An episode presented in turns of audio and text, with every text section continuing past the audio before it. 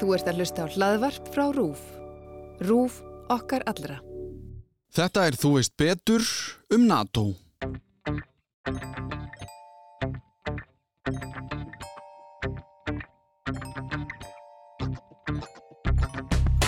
Ef það er einhver regla í kannski alþjóðastjórnmál er að það, það er ekkert svart og ekkert hvitt. Þetta er bara einhvern veginn margtóna grár skali.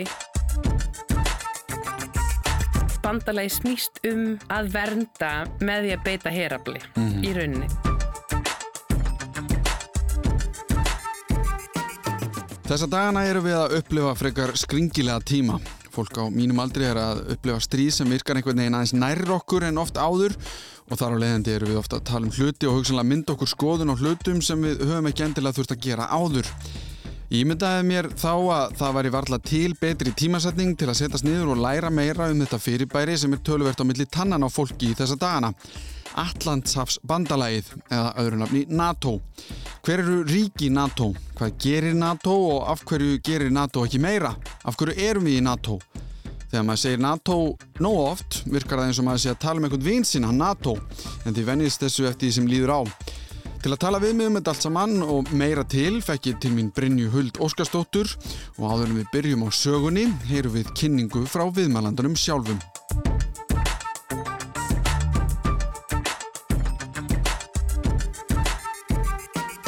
Ég heiti Brynjahuld Óskarsdóttir og ég er öryggis og varnarmálafræðingur.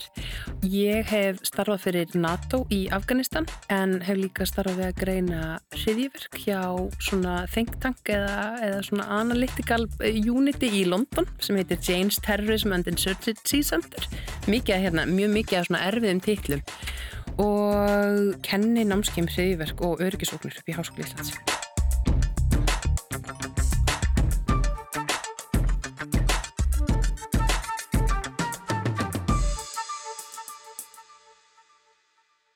NATO er í rauninni skilgrinningun samkvæmt varnarbandalag en það er í rauninni hernarbandalag og það byrjar 1949 sem er náttúrulega bara rétt eða nokkrum árum eftir að setna stríði líkur og það byrja þannig að það eru lönd begja vegna við Allandshafið í rauninni sem að ákveða að binda sér saman í því sem heitir bara sameilar varnir þessara landa.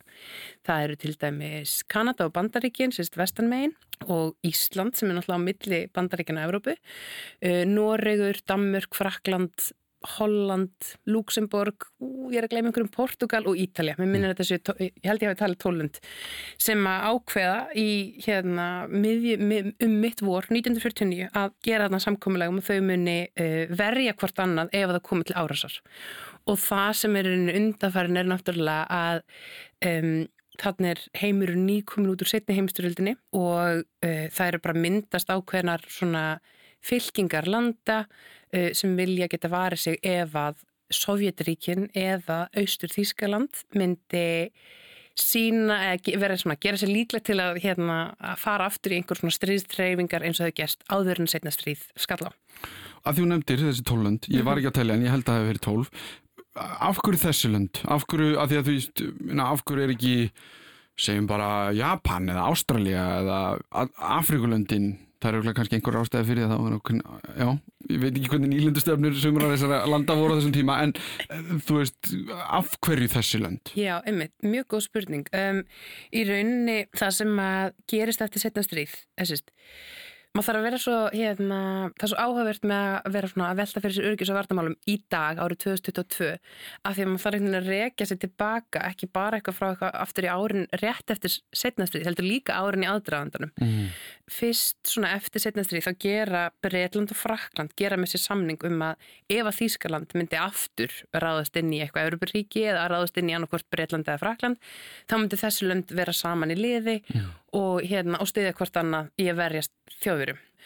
Og svo eru bara svona alls konar hræringar eða þessi staðarna sem verður til þess að, hérna, að, bandaríkin viljast koma að stað einhverju hérna, samkominnlægi og fleiri löndurni og þannig að þessi lönd í raun það sem að dreyja þau saman er að þau eru begja vegna allansásins og augljóst að veist, þegar þú horfir át á korti þá er þetta í rauninni lendin alveg veist, næst vestanmein og svo veist, hérna í rauninni mm -hmm. austanmein Norrögur, Danmörk, Ísland, Frakland, Breitland Ítalið er endar aðeins austar og svo Portugal mm -hmm. Um, Ekki spát. Nei, spátn var ekki með til að byrja með. Mm. Uh, ég man ekki alveg hvað ár spátn dettur inn. Uh, þannig að þessi lönd í rauninni sjá þarna sameila hagsmuni í því að vera saman í varnabandalagi. Já, og í rauninni bara einhvern veginn hérna, stilla, stilla saman strengi sína til þess að Mm. vera hérna, veist, í saman þessu bandalagi sem snýstur í umbra eða einhver, veist, eða ráðast á eitt þá þurfum við öll að koma til og verja. Mm Þannig að þetta er einn varnarbandalag, þetta er ekki hernaðarbandalag. Nei, þetta er nefnilega mjög góð spurning að því að hérna, NATO er, við tölum alltaf um og það er svona hérna náttúrulega Íslandi með mjög svona sterka tilfinningu eða svona við, svona eins og maður hefur heyrt að svona, Ísland og NATO herin burt sem er svona mjög ríkt í okkar þjóðarvitund að Mhm. vera herlust land og hérna samt erum við hluti af þessu varnarbandalagi Þú veist, og þá kemur sko mótvæði alltaf neyti varnarbandalag, þetta er ekki hernaðarbandalag en bandalagi snýst um að vernda með því að beita herabli Mhm. í rauninni þannig að þetta er svona, hérna, þetta er svona pínur svona spurningum einhvern veginn, hvernig ætlar maður að tala um þessa, þessa hlýða á, þessum- á þessu túkalli í rauninni. Já. og það stendur mjög skýrt á heimasíðu NATO að þetta er, veist, political and military alliance. Þannig að, veist, það er náttúrulega hernaðarbandalag. Þó að snúist um samilega varnir. En af hverju, sko, að að þetta er 49 og við erum frá, með frá byrjun, Já, af hverju við? Af því ég, ég er alltaf að hugsa um okkur, hvað höfum við fram að færa, þú veist, ef, ef þetta eru herir sem við erum að tala um og varnarbandalög, mhm ok, við vorum hernuminn í setni heimstyröldinni og við erum svona landfræðilega kannski frekar sterk Já. einhvern veginn. Já, ég svona veltiði fyrir mér af hverju það hefur verið eitthvað, heyrðu, Bandaríkin og Bretland og Frakland og síðan eitthvað, Ísland, eru þið ekki til í að vera með?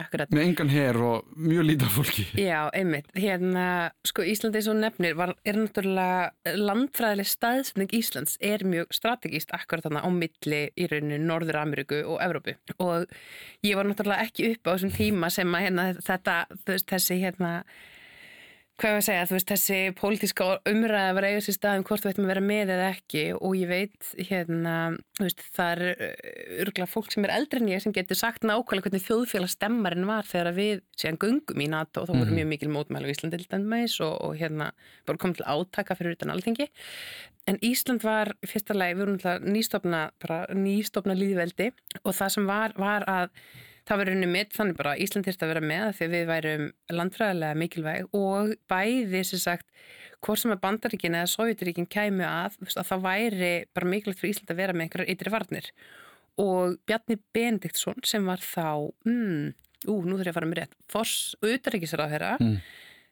Það var mjög mikil svona varkárni í því hvort við ættum að ganga í eða vera stopn aðili að NATO ekki og hann svona held í fram um tíma bara nei, þú veist, það eiginlega kannski skiptir ekki máli hvort sem við ekki af því að við erum svo mikilvæg bæði fyrir Breitland og Bandaríkin að þau munu alltaf koma okkur til varnar hvort sem að vera ráðist inn eða ekki Mm -hmm. en svo einhvern veginn verður niðurstaðan svo að Ísland ákveður að vera með og hluta þeirri pólitíska ákveðum var náttúrulega bæði Noregur og Danmörk ætla að vera með Mhm. og við svona höfum í gegnum tíðin oft litið til þeirra og þannig erum við náttúrulega nýbúin að slíta okkur frá Danmörku og svona höfum alltaf svona litið svolítið til þeirra þegar kemur að ákvörnum í þessum málum.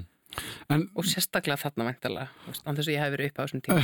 En það kannski leiði líka af annari spurningu og sem er kannski, og þú veist, og nú erum við náttúrulega að reyna að halda okkur við fortíðina en þetta snýst líka um nútíðina mjög stert okkur Mhm. núna en Svíþjóð og Finnland? Einmitt, Ég velti fyrir mér sko að því við erum að tala um setni heimstyröldina og núna er mikið tala um setni heimstyröldina, finsku leyniskipturnar, þú veist, allt þetta, allar varnina sem eru þarna varandi Rúsland, ég meina þetta eru þau lönd sem eru næst því, Já. hver er ástæðan fyrir því að þau eru ekki með og eru ekki ennþá með í dag? Nei, akkurat, sko Finnland og Svíþjóð hafa í gegnum tíðina og sérstaklega kannski Svíþjóð og svo sem Finnland líka en Svíþjóð hefur verið með mjög skýrt svona þau vilja vera séð hlutlaus þegar kemur auðvitaðriksmálum. Mm En það er hérna alveg hægt að fara fýtna í þá sauma og, og veist, þau er ekkert endla alltaf hlutlaus en þau vilja sérst, geta sérst, presentera sig þannig að þessu hlutlaus þegar kemur sérstaklega svona öryggis og varnamálum og hafa aldrei sóst eftir aðild og svipa með Finnland. Finnland á náttúrulega sko yfir 1300 km lang, lang landamæraður Rúslandi -hmm. uh, og hefur áður farið í stríð eða sérst, rússa reyndu fyrir hvað er að vera komin 100 ár síðan reyndu að ráðast inn í Finnland. Ég er að fara með vittlist í ártölum allavega Þegar það var reynda. Já, þeir Já. hafa reynda og hérna og vetrastriði til dæmis að milli rússa og finna síndi að hérna, þessi landamæri er ekkert alveg hrein lína Mm -hmm. um, en finnar hafa ekki heldur viljað ganga í NATO og við hefum svona hérna séð í frétta myndafarnar vikur og það gjör breyst vilji sko íbúa finna og svíþjóðar mm. Vist, núna er allir komin yfir 60% eða 50-60% sem vilja ganga í NATO mm. sem mhm. hefur ekki verið á þér uh, en þessar þær þjóður hins vegar hafa unnið mjög náið með NATO og herjunum í NATO til að mynda þegar ég var í Afganistan á vegum uh, að vinna fyrir NATO þá voru finskir hermenn bæði svona infantry sem eru sérst, þeir sem eru svona gunguliðar, gunguliðar mjög gott hérna, ég er alveg skjálfileg með hérna, íslensku þessu. Og líka nokkrir officer sem eru þá Herfóringjar eða eitthvað Já, herfóringi þá ertu kannski yfir þetta verkefninu en þá ertu kannski undir herfóringi eða offusti eða eitthvað. Allan um, svona skrifstofu hermen í rauninni mm. og hérna og finski herin er í rauninni þú veist, sem, þú veist þá er veist, Finnland og Svíþjóð eru svona partner nations og mm -hmm. hérna þannig að þá, þú veist, þeir vinna mjög nái með hinnum NATO herjunum og til að mynda gætu bæðið Svíþjóð og Finnland mjög öðurlega gengið inn í NATO það væri ekki, mm. ekki mjög flókið fyrir þessa þjóðir að integrita, sem ég kann ekki að segja úslensku mm.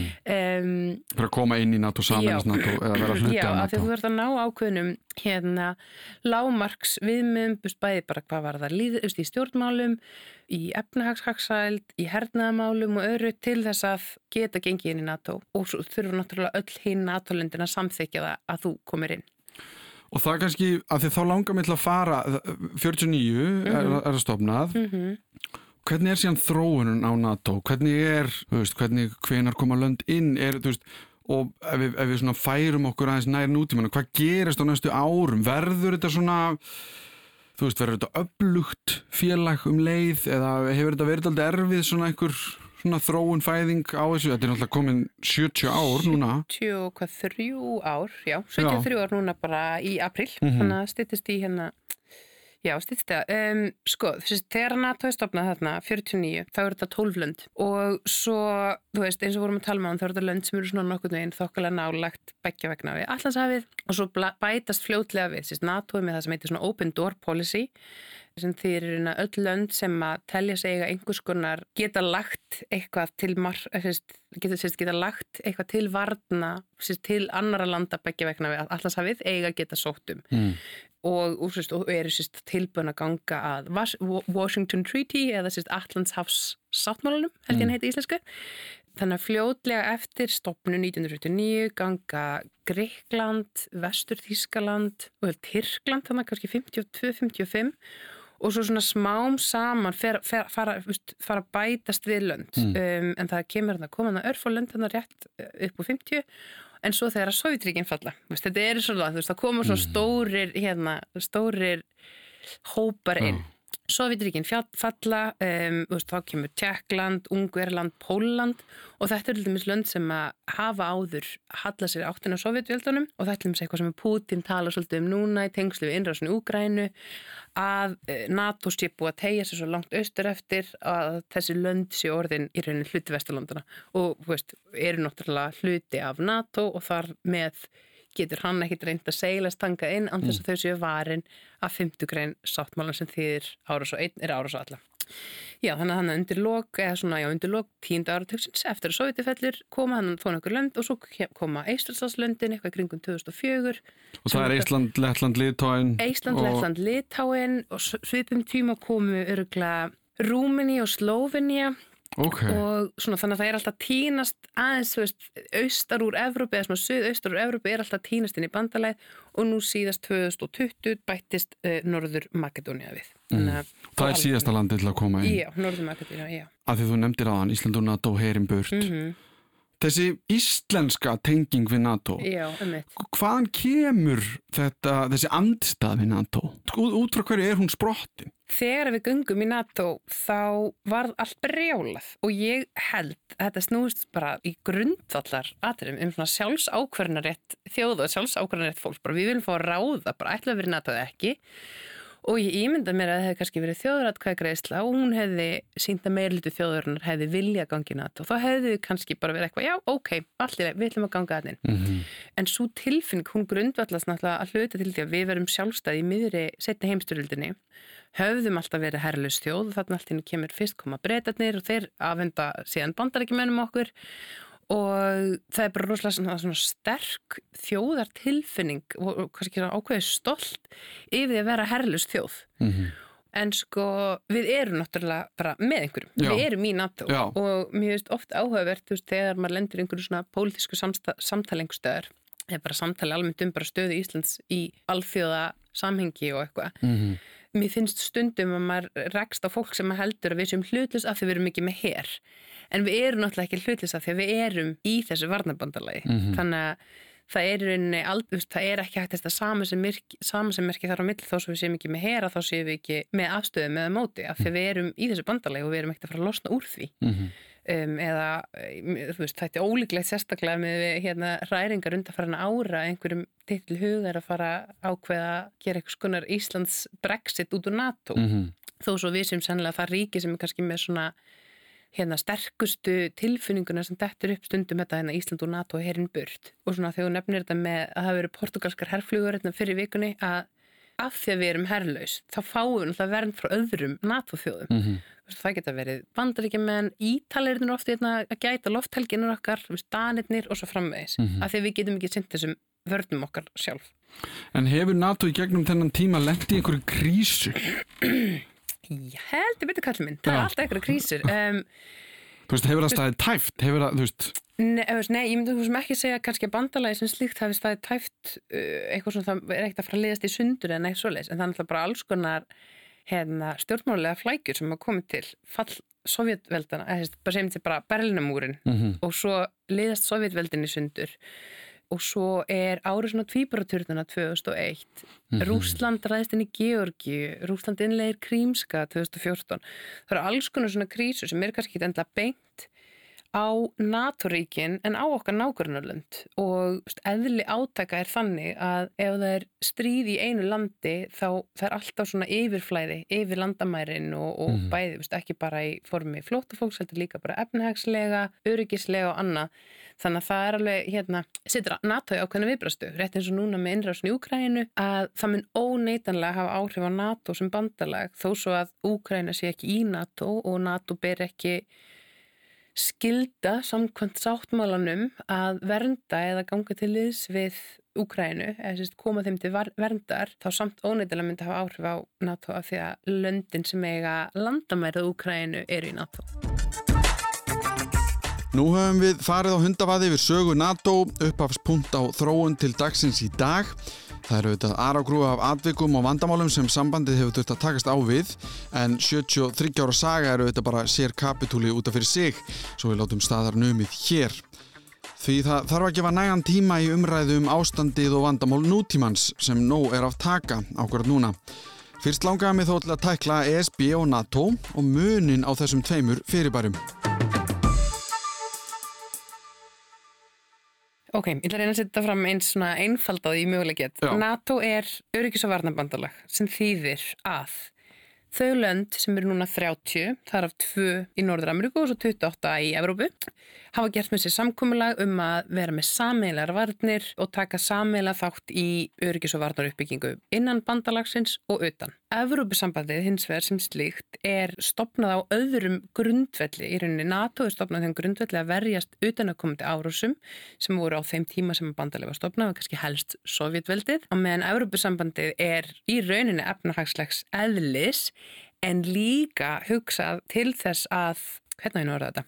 þau lönd sem að ganga eða gengu þá inn í Európa-sambandið vissu hvað, hvort annað var að gera þannig að það var ekki hægt að byggja upp hernaðar svona infrastruktúr án þess að mm. hinn, þetta byrjirinn sem stál og, og efnahagsbandala í raunni, ég er einfældað mjög mikið mm. Og þú getur verið í Európa-sambandinu og ekki í NATO og þú getur líka verið í NATO en ekki í Európa-sambandinu. Eins og Íslandir, við erum í NATO en við erum ekki í Európa-sambandinu en við hins vegar erum aðeinar að Európska efnahagsvæðinu þannig að við erum Við erum svona með. Við, já, við erum með, með allt nema stóru tónu e, e, og við fylgjum Európa-sambandinu í svona, hérna, ég sá Baldur Þóraldsson stjórnmálafræðiprofessor segja við fylgjum Európa-sambandinu 97% ákvarðana. Þannig að við erum í rauninni allt nema litlatáin í rauninni inn í veist, Úkraina til dæmis vill komast inn í Európa-sambandi það er ákveðin velsæld og ákveðin svona líðræði sjónami sem ríkin í Európa-sambandinu og það er alveg hægt að segja þú veist, að þessi tvö sambönd sem annars verið Európa-sambandi og NATO haldast alveg einhver leit í hendur af því að fórsendan fyrir því að komast inn í NATO sem er varnaðbandalag er að þú sért búin að ná ákveðnum svona hérna viðmiðum hvað var þar stjórnmálastruktúr í landinu hvað var þar velsæld, hvað var þar uppbyggingu hersins og annað og þá getur þú kannski að fara að sækja um í NATO sem að þessi lönd sem eru austast í Európu vilja, þau vilja ekki vera undir hælnum á Rúslandi. Þannig að þetta er svona já, þetta er einhvern veginn En hver er munurinn þá á því að ráðast inn í land sem er í Evropasambandinu og ráðast inn í land sem er í NATO? Vá, frábær spurning. Grundallar munurinn er alltaf að þú ert í NATO sem bara, þú ert Póland eða þú ert Ísland og það er ráðist inn hjá þér þá eru hinn 29 NATO-löndin þau eru búin að skuldbunda sig til að koma þið til varnar Mhm. Sem er ekki Evropasambandinu. Og Evropasambandið er í rauninni ekki með já, svona skýran neinskonar varnalmála struktúr og það var í eðlisinu það var ákveð þegar að Európa-sambandi var stopnað að það yrði ekki, þetta var ekki varnarbandalag mm veist, og það er, veist, NATO er varnar, varnarbandalagi þó svo mjög mörg uh, Európa-sambandslönd séu líka í NATO. Og já, þannig að þú veist, e, það er, það er svona nokkurn veginn í grunninn þá er bara, þau þurfa ekki að koma til bjargar ef þau ert í Nei, Evróp- nema þau vilji. Já, og, svo Evrópa er ekki með neitt sameilegan her eða neitt svoleiðs, þannig að Það, er, kemur að öðru. já, NATO, já, er það með sér her? Er það bara samansapn af herjum annara landa? Í- NATO er ekki með sérher sem slíkan, það eru svona Já, ég, ég bara, bara einfalda þannig að segja, NATO er ekki með sérher sem slíkan þó svo séu þetta eitthvað svona og komi oft upp eitthvað svona samtölu um hérna Evróskan her og svo Macron, Fraklandsfósið hefur sérstaklega mikið talað fyrir því hann vil fá eitthvað svona sér Evróskan her, eh, hann hefur oft verið svona pínu móti NATO eða svona frakkar eru með svona hérna, fyrir svona óþekki úlingurinn í NATO-herbygginu um, en já, og NATO er sér sagt í rauninni bara samansapn herja allra sérst, NATO-landana, allra 30 landana og það eru svona grófar tölur sem segja að þessi þrjár til þrjára hálf miljón hermana sem að séu til reyðu innan gæsalappa innan þessara 30 NATO-landa eh, sem er það þrjára hálf miljónu tífaldur fjöldi íbúa á Íslandi. Mm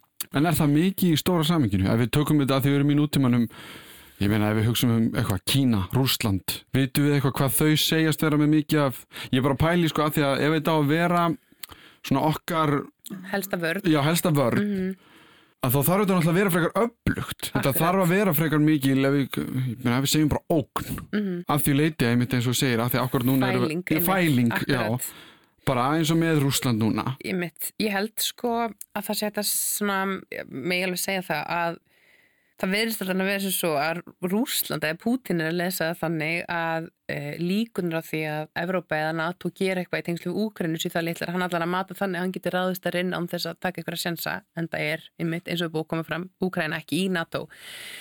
Þrjára hálf miljón þetta er alveg ágætis fjöldi en það sem er kannski löstur þessa fjölda er að það er ekki allir þessir, allir þessi fjöldi er ekki hæfur í bardaga, veist, mikið af þessu eru kannski hvernig sem er reservist á, á íslensku Eh, Svona, þetta er vara va- bak, já, vara, eitthvað, vara, já. vara eða bak, bakvaktar herra. Bakvakta, já, eitthvað.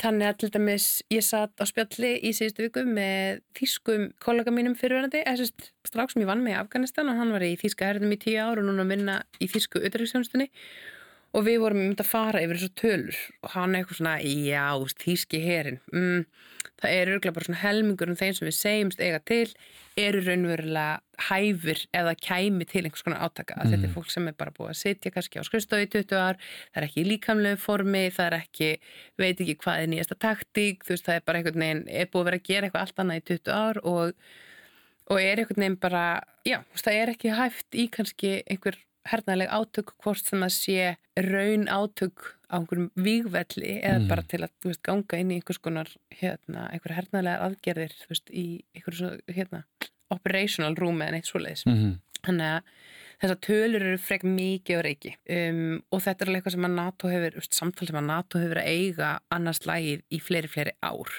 og frá því að Sovjetvildin falla og kaldastriðinu líkur þá hafa útgjöld til öryggis og varnamála alveg bara hrunið og þetta er eitthvað sem að bandaríkjar hafa verið að láta svolítið fara fyrir brjóstu á sér þegar þau setja mjög mikla peninga í herin hjá sér og Mhm. varnamál almennt og vilja að Evrópa gerir slikt þið sama og er alltaf eitthvað að þið verða að ná hérna, þið verða að setja meir í varnamál og þið verða að þú veist, byggja upp her og, og hérna, bandarkin get ekki alltaf verða Það getur ekki alltaf verið stóri bróðir Nei, get ekki alltaf verið stóri bróðir og hérna lönd innan NATO eiga að setja 2% af verkri þjóðframleyslu inn í bandaleið Það er þá partur af þessum Washington samning eða hvað? eh, Já, sko, býtum við Ég er, nei, ég er ekki vissum að það hefur verið inn í hérna uppáðlega sáttmálum að það hefur verið 2%. Ég held að þessi tala sem kom, hún er nýlegri og ég veit að hún var eitthvað endur nýði eitthvað svo 2014. En, Um, en hvernig getur við þá verið í þessu? Ennþá?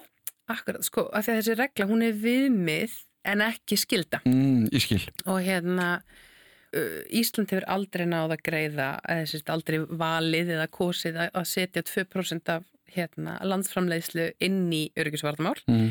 uh, og það eru ekki mörg lönd sem gera það uh, núna var til dæmis Þýskaland að hækka sín framlög og Bretland og, og bara fleiri Európaríki eru svona hérna byrjaðans að spýta í lófana Mm -hmm.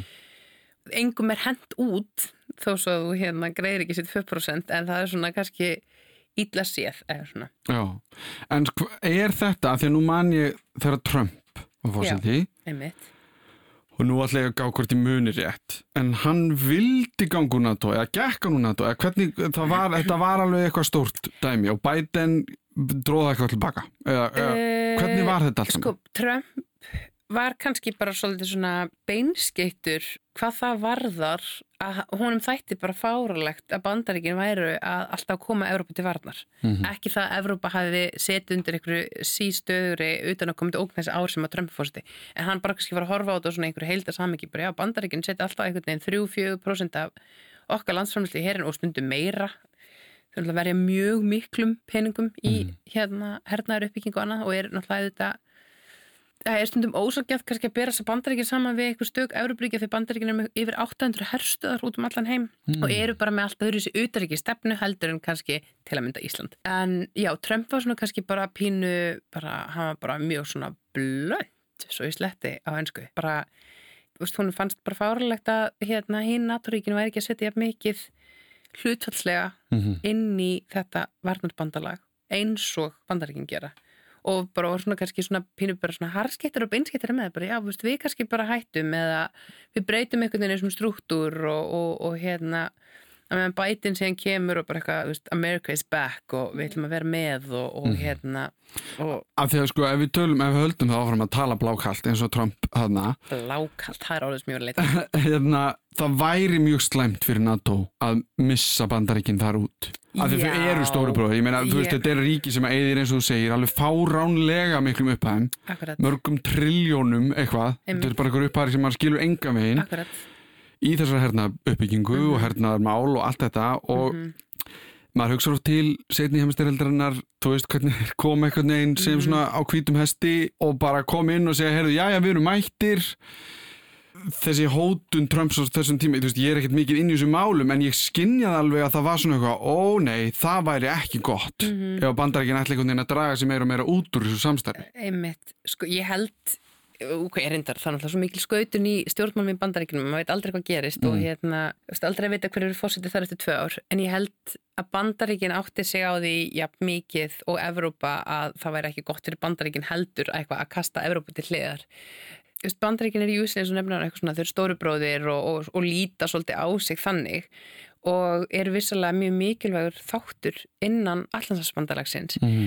en þú veist, svo er líka hinn hérna hinn hliðin af þessum peningi eða peningi er líka svo að þú veist, bandaríkin oft draga NATO inn í sína utanríkistefnu. Mm Þú veist, bandaríkin ráðast inn í Afganistan, þau fara inn í Írak, þau byrja hernaðlega aðgerðir í hérna Líbíu og alls konar þau eru, veist, eru kannski að vasast aðeins í á öðrum landsveðum sem síðan draga NATO inn í og þar með er við öll hinn NATO-lundin komin með inn í einhver átök til að mynda í Afganistan.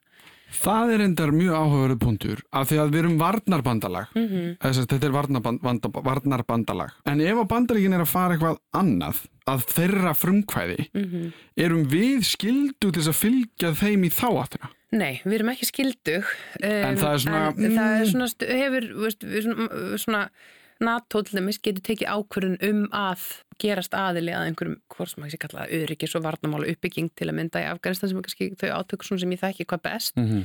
Bandaríkinn ræðast þar inn hausti 2001, stutt eftir árasun og tvíbaraturðuna og um það byl tveimur árum setna þá tekur NATO við í rauninni því missjónu innan gæsalappa mm -hmm. Og þannig dragast samtökin, þessi dregst NATO sem bandalag inn í Afganistan og var þar í næstu 20 ár náttúrulega, þannig til síðasta sumar og það er áttu til dæmis Ísland, þú veist, við hefum tekið mjög virkan þátt í þeirri þá er þetta alltaf tala um þessum svona uppbyggingu í þróunar, þróunarsamvinnu, öryggis og varnamála uppbyggingu við að þjálfa í rauninni aðstóða afgönsku ríkistjórnuna við að setja upp slögruglu, her og svo framvegs mm -hmm.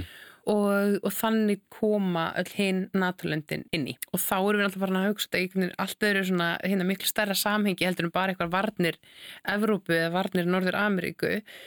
En það sem er náttúrulega bara eðli heimsins er þannig að ekkert gerist í vakumi og ef það er mjög óstabilt stjórnmála ástand í Afganistan eða Írak eða í Norður Afrika eða hver það er, þá hefur það náttúrulega áhrif á Evrópu. Mm -hmm. af því að við erum eigum kannski í, veist, það kemur ströymur af flótafólki, við erum í viðskipta samskiptum, eigum einhvers konar viðskipta sambandi við eitthvað á þessum löndum og svo framins og framins og það er náttúrulega sem að gerðist í september 2001 var það var Arsson týpurþurðana og þá var fymta greinin virkjuð sem er svo greinirunni sem að svona er svona hryggjarstykki eða sem að segja í uh, eh, Allandsas sáttmálunum sem þýðir bara eða ráðast á eitt land þá er ráðast á öll. Og þarna var í rauninni litið svo á að þarna væri ástæðilega virkja 50 grein þannig að öll löndin þurftu í raunin að segjast allan að vera tilbúin að vera með í því viðbröði sem að bandaríkinn setast að. Mm -hmm.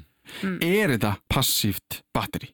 Þetta er mjög góð spurning. Um, sko bandaleið á í rauninni, kannski samkvæmt skilgrinningu að vera hluti af allansvarsáttmálunum segir í rauninni bara að bandaleið vil alltaf leita friðsamlega lausna og nota diplomasíu og frelsi og líðræði þannig grundvallar gildi frekar en hernaðar átök mm -hmm. til að leysa úr vandamálum. Þannig að að því leitinu til, jú, passíft kannski hægt að segja það fannig, en svo er alveg hérna til ákveðna sumir skólar og, og sko, fólk sem hefur þá skoðun að bandalegi sé ekki passíft af því það er búið að vera alltaf að færa sig austur og austur í Evrópu og sé þannig svolítið svona storka til dæmis Rúslandi og Pútin sem er bara umræðum núna að NATO, áðurstu að ég vilji að þetta samtal snúist bara um átöngin sem er í gangi ákvörð núna að því minnst póstöðið sem þú verið að setja samfélagsmiðla að vera frekar útskýrandi eða svona enlightening á einsku að því að það sem að hefur heyrst að sé ástæðan fyrir því að, að Putin ákvörður taka sér ákvarðanir mm -hmm. og mhm. allt það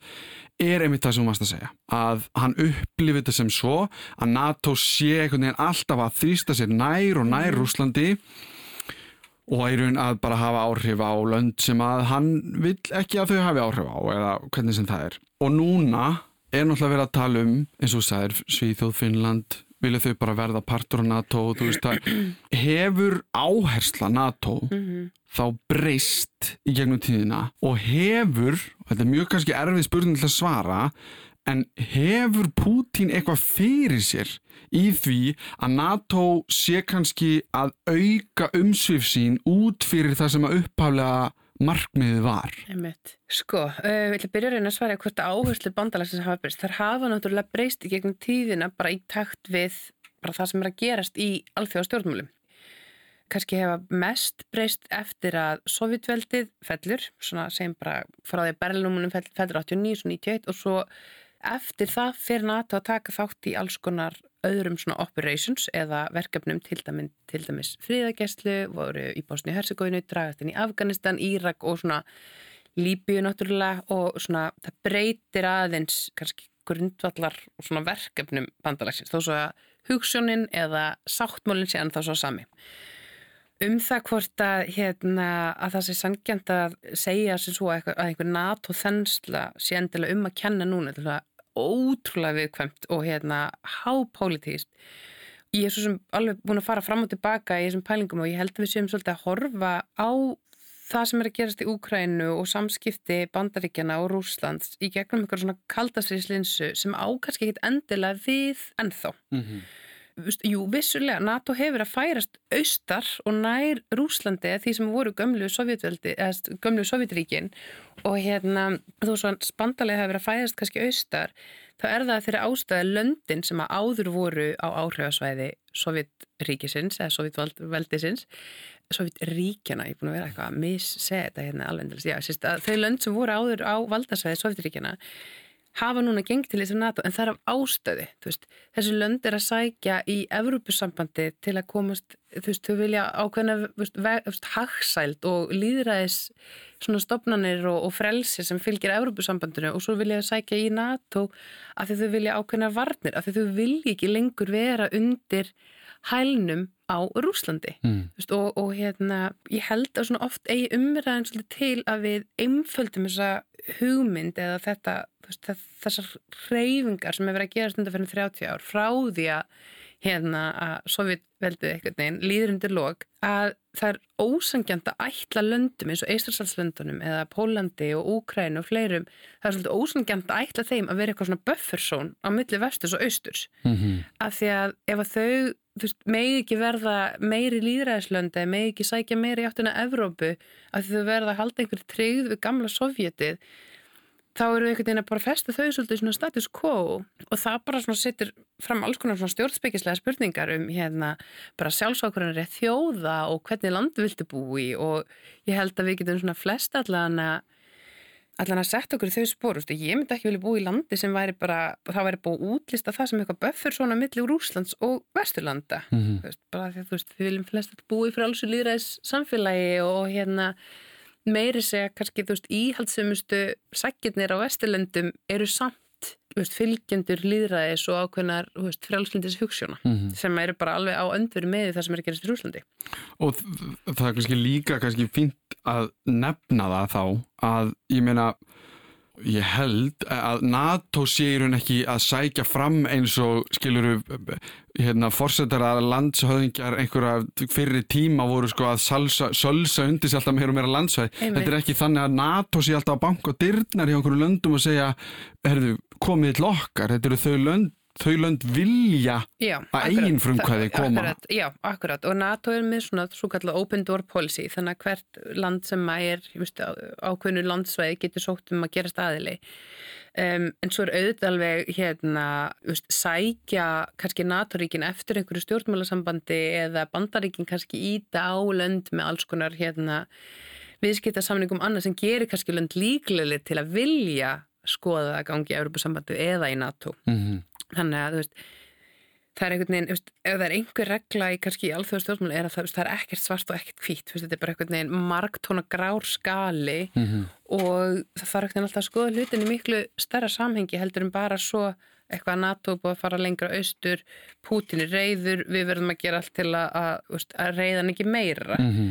mér finnst því svona skiptum skoðin á þessu öllu frekar oft mm -hmm. og mhm. hérna Putin er búin að segja í mörg, mörg ár bara ef þið farið, ef, ef að NATO fyrir austar þá, veist, þá munir þurfa bregðast þér bara okkur líður ógnað, veist, mm -hmm. okkur mhm. finnst okkur vera ógnað og, og, En ógnað við hvað? Hvað er þessi ógn sem hennar að tala um? Er það bara að við, að við NATO sé að taka lönd sem að honum finnst að Rúsland eigi tilkall til? Er Ég, það það sem, sem að honum finnst að hafa áður sínt uh, eða hafa í, í gegnum söguna verið uh, á áhrifasvæði rúsa og hann vil ekki fá, hann lítur á NATO sem sinn vest óvinn í rauninni mjög einföldu máli mm. og vill ekki fá NATO alveg upp á landamærum Rúslands um, Út af hverju, að því ég skil sko, er að því að þegar hann segir ógn mm -hmm. þá ímyndið mér eins og hann sé að segja sko Ég vil ekki fá ykkar heri upp að mínum landamærum eins og að segja eitthvað það kemur nú það líka inn í myndina Já, að því hann er ekki hrættu við innrást NATO í Rúsland Nei, hann er mjög ólíklegt að hérna NATO tækir sér saman og fara eitthvað ráðast inn í Rúsland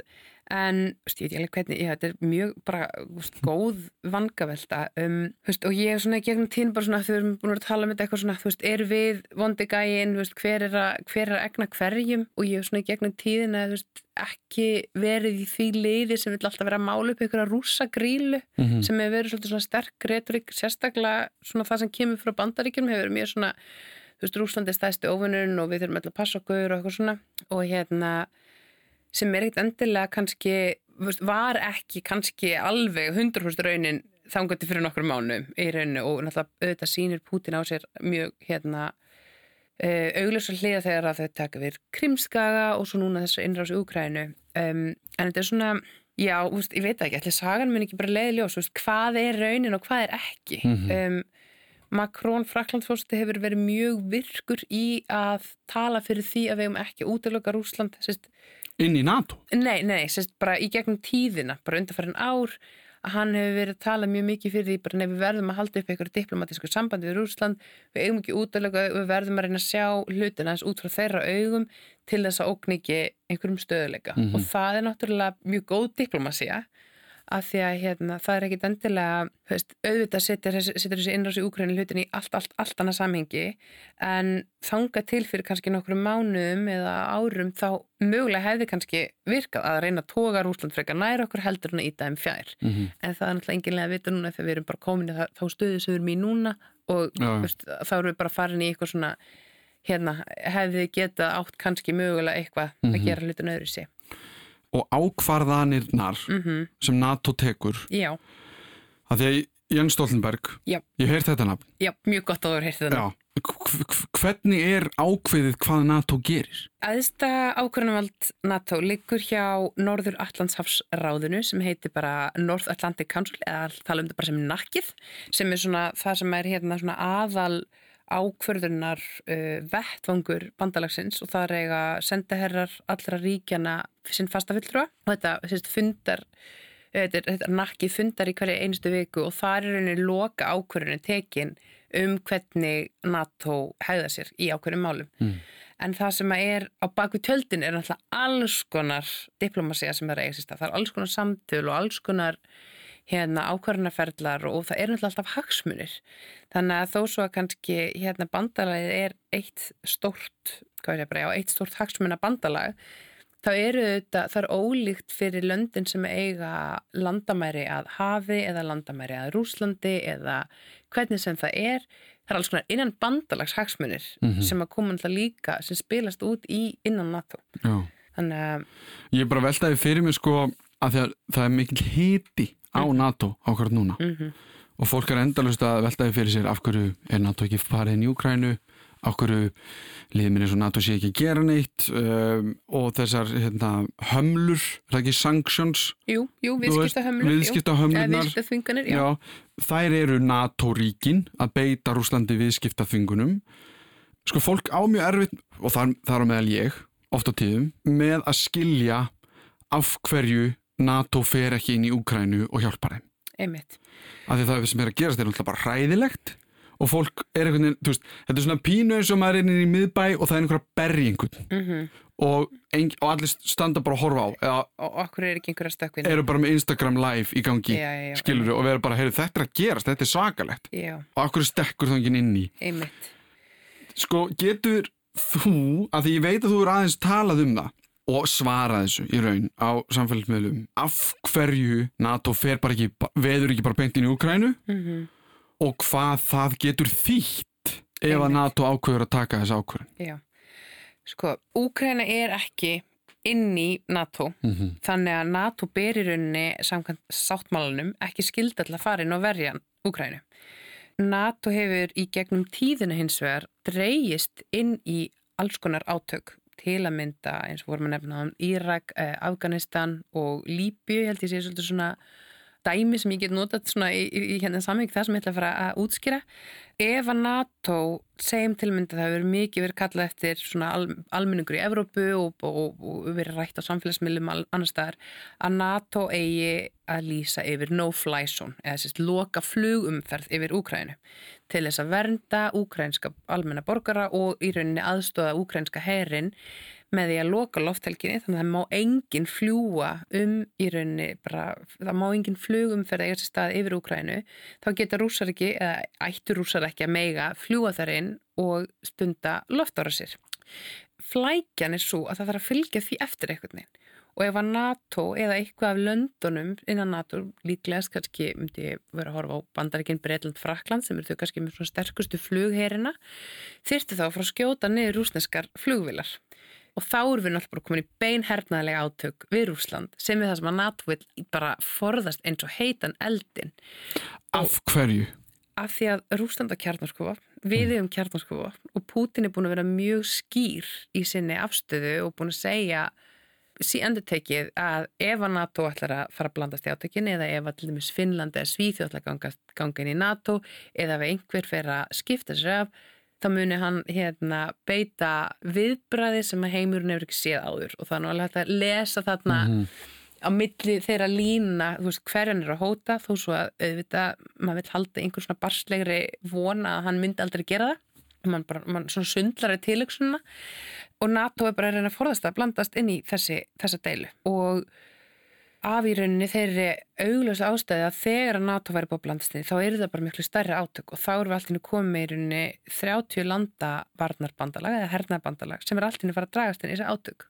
Við Rúsland sem er reysastorun hér og er bara mjög tilbúið að fara að berjast. Og ástæðan fyrir nefni Líbíu áðan er hlutilega því að þegar að arabiska vorið fer að eiga sér stað við, við um í Ísturland og gerist hérna í Norður Afríku þá eru í rauninni bara, ég segi bara, bara borgarastyrfylgda eiga sér stað í Líbíu og NATO lokar lofthelginni þar, í rauninni sittir á svona no-fly zone sem þýtti að NATO dróst þar inn í átökin og fór að skjóta niður líbískar herrflugvilar sem voru að gera ára svo alman borgara og þar með voru Vesturlund komin í beinar hernaðaraðgerðir í Líbju sem að kannski var ekkit endilega sem að NATO kannski ætlaði uppalega mm -hmm.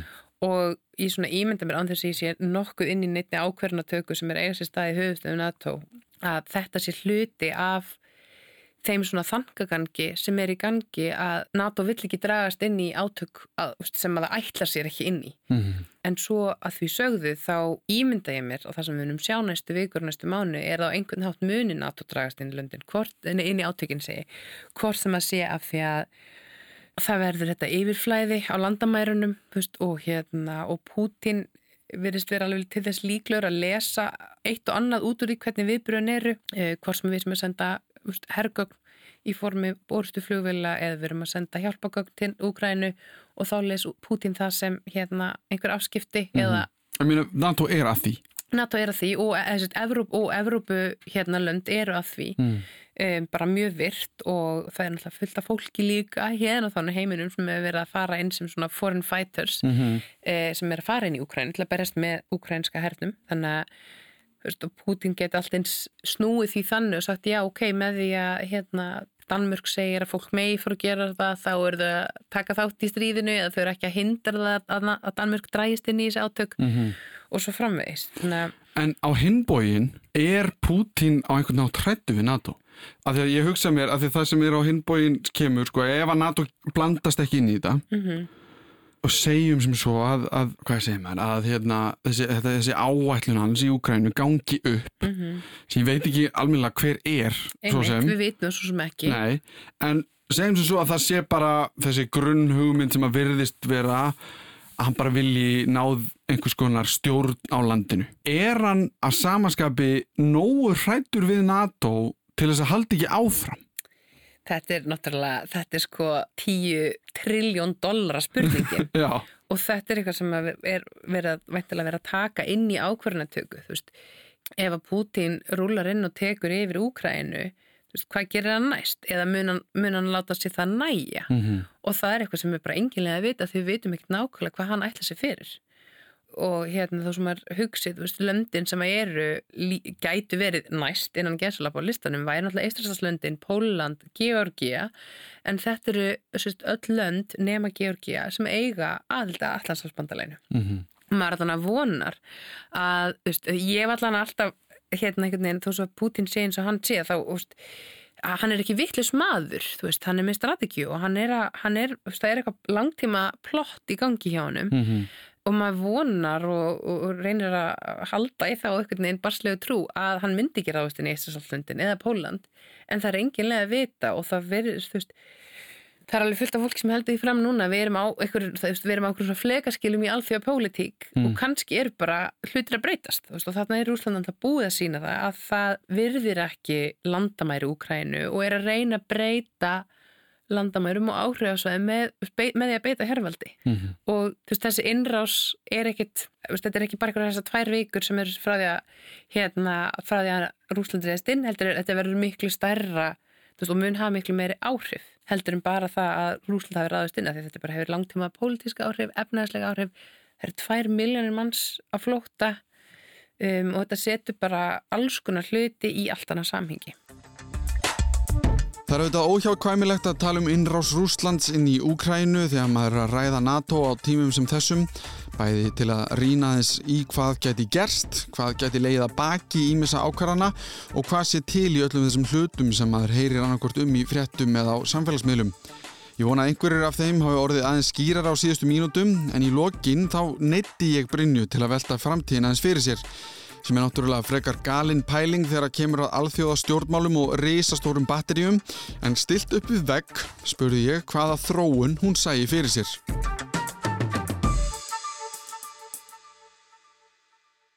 Sko, það er eitthvað sem að þessi krísa sem að núna er komin upp í Evrópu og bara í alþjóða stjórnmálum er að Pútin hefur einni tekist það sem að bandaríkjum hefur ekki tekist í ára tugi. Það er að fá Evrópu til að átta sig á sínu öryggislandslægi og er henni breyta svona sín okkar á okkar eigið öryggi. Mm -hmm.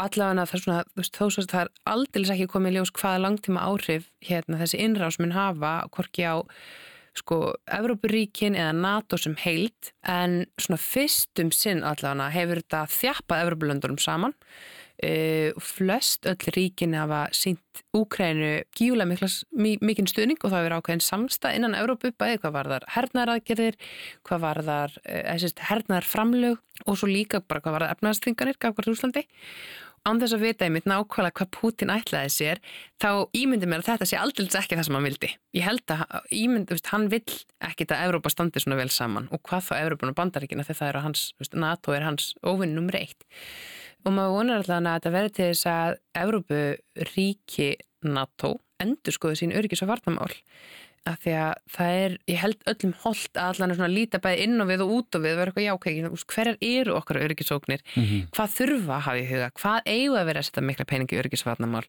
er hérna hugssjónunum að við getum lifað í átakluðsum heimi, úst, við lifum ekki í átakluðsum heimi. Og hérna þó svo að Evrópa hafi verið innan gæsalappa stríðslaus sem hún hefur náttúrulega ekki verið að þegar bara, hérna, við horfum bara á stríðin í Júkoslavíu og hriðiverkóknar sem eru áfsista og það er bara alls konar átök innan þess að við teljum vera Evrópu undanferðin ár eða undanferðin ára tugi þá í rauninni setur þess að það er bara það er svo mikið að breytast í örgis að vartamálum og þetta hefur svona sett þau mál aðeins svolítið aftur á borðið mm -hmm.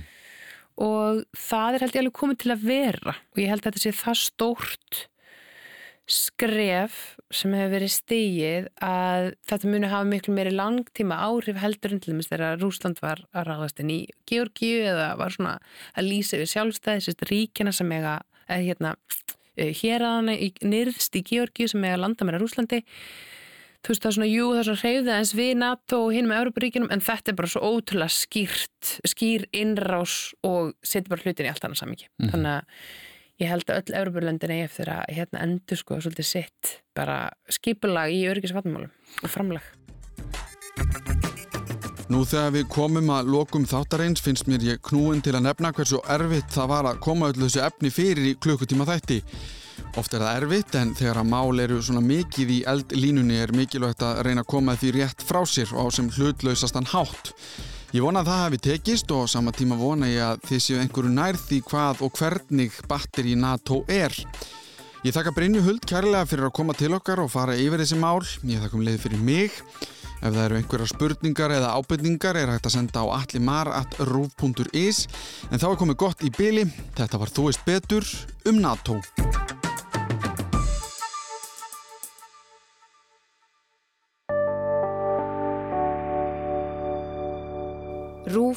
Okkar allra.